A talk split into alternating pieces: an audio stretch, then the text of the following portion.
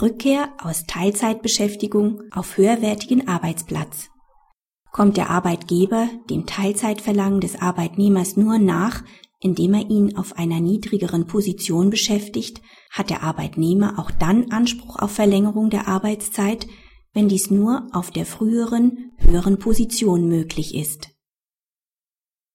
Die Arbeitnehmerin arbeitet in einem Drogeriemarkt des Arbeitgebers als Verkaufsstellenleiterin mit 37,5 Wochenstunden.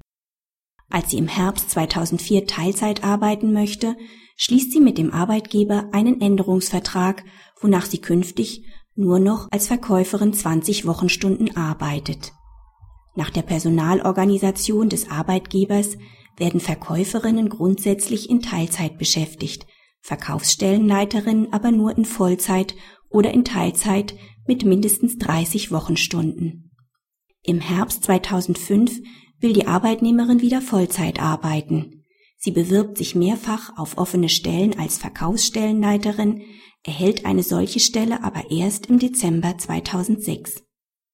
Für die Monate Januar bis November verlangt sie Ersatz der entgangenen Mehrvergütung, die sie auf einer höheren Position als Verkaufsstellenleiterin erlangt hätte. Das BAG gibt der Klage statt. Aus Paragraph 9 Teilzeit- und Befristungsgesetz besteht ein Anspruch auf Verlängerung der Arbeitszeit und Wechsel auf die höherwertige Position als Verkaufsstellenleiterin.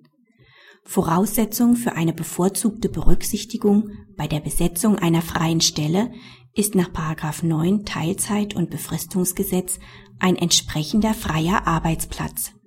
Diese Voraussetzung ist nur dann erfüllt, wenn die zu besetzende Stelle zumindest vergleichbare Tätigkeiten beinhaltet und Anforderungen an den Arbeitnehmer stellt, da der Arbeitnehmer grundsätzlich keinen Anspruch auf Übertragung einer höherwertigen Tätigkeit hat.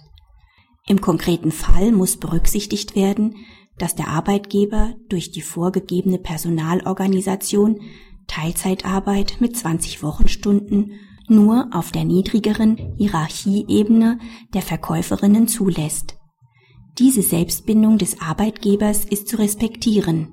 Sie muss aber auch nach oben durchlässig sein.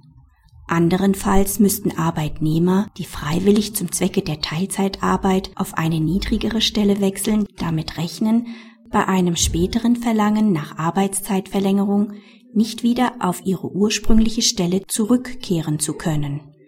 Dies widerspricht dem Ziel des Teilzeit- und Befristungsgesetzes, Teilzeit auch auf gehobenen Positionen zu fördern. Die Arbeitnehmerin hat daher einen Anspruch auf die höhere Position als Verkaufsstellenleiterin. Für die Monate, in denen der Arbeitgeber dies missachtet hat, schuldet er Schadensersatz. Praxishinweis.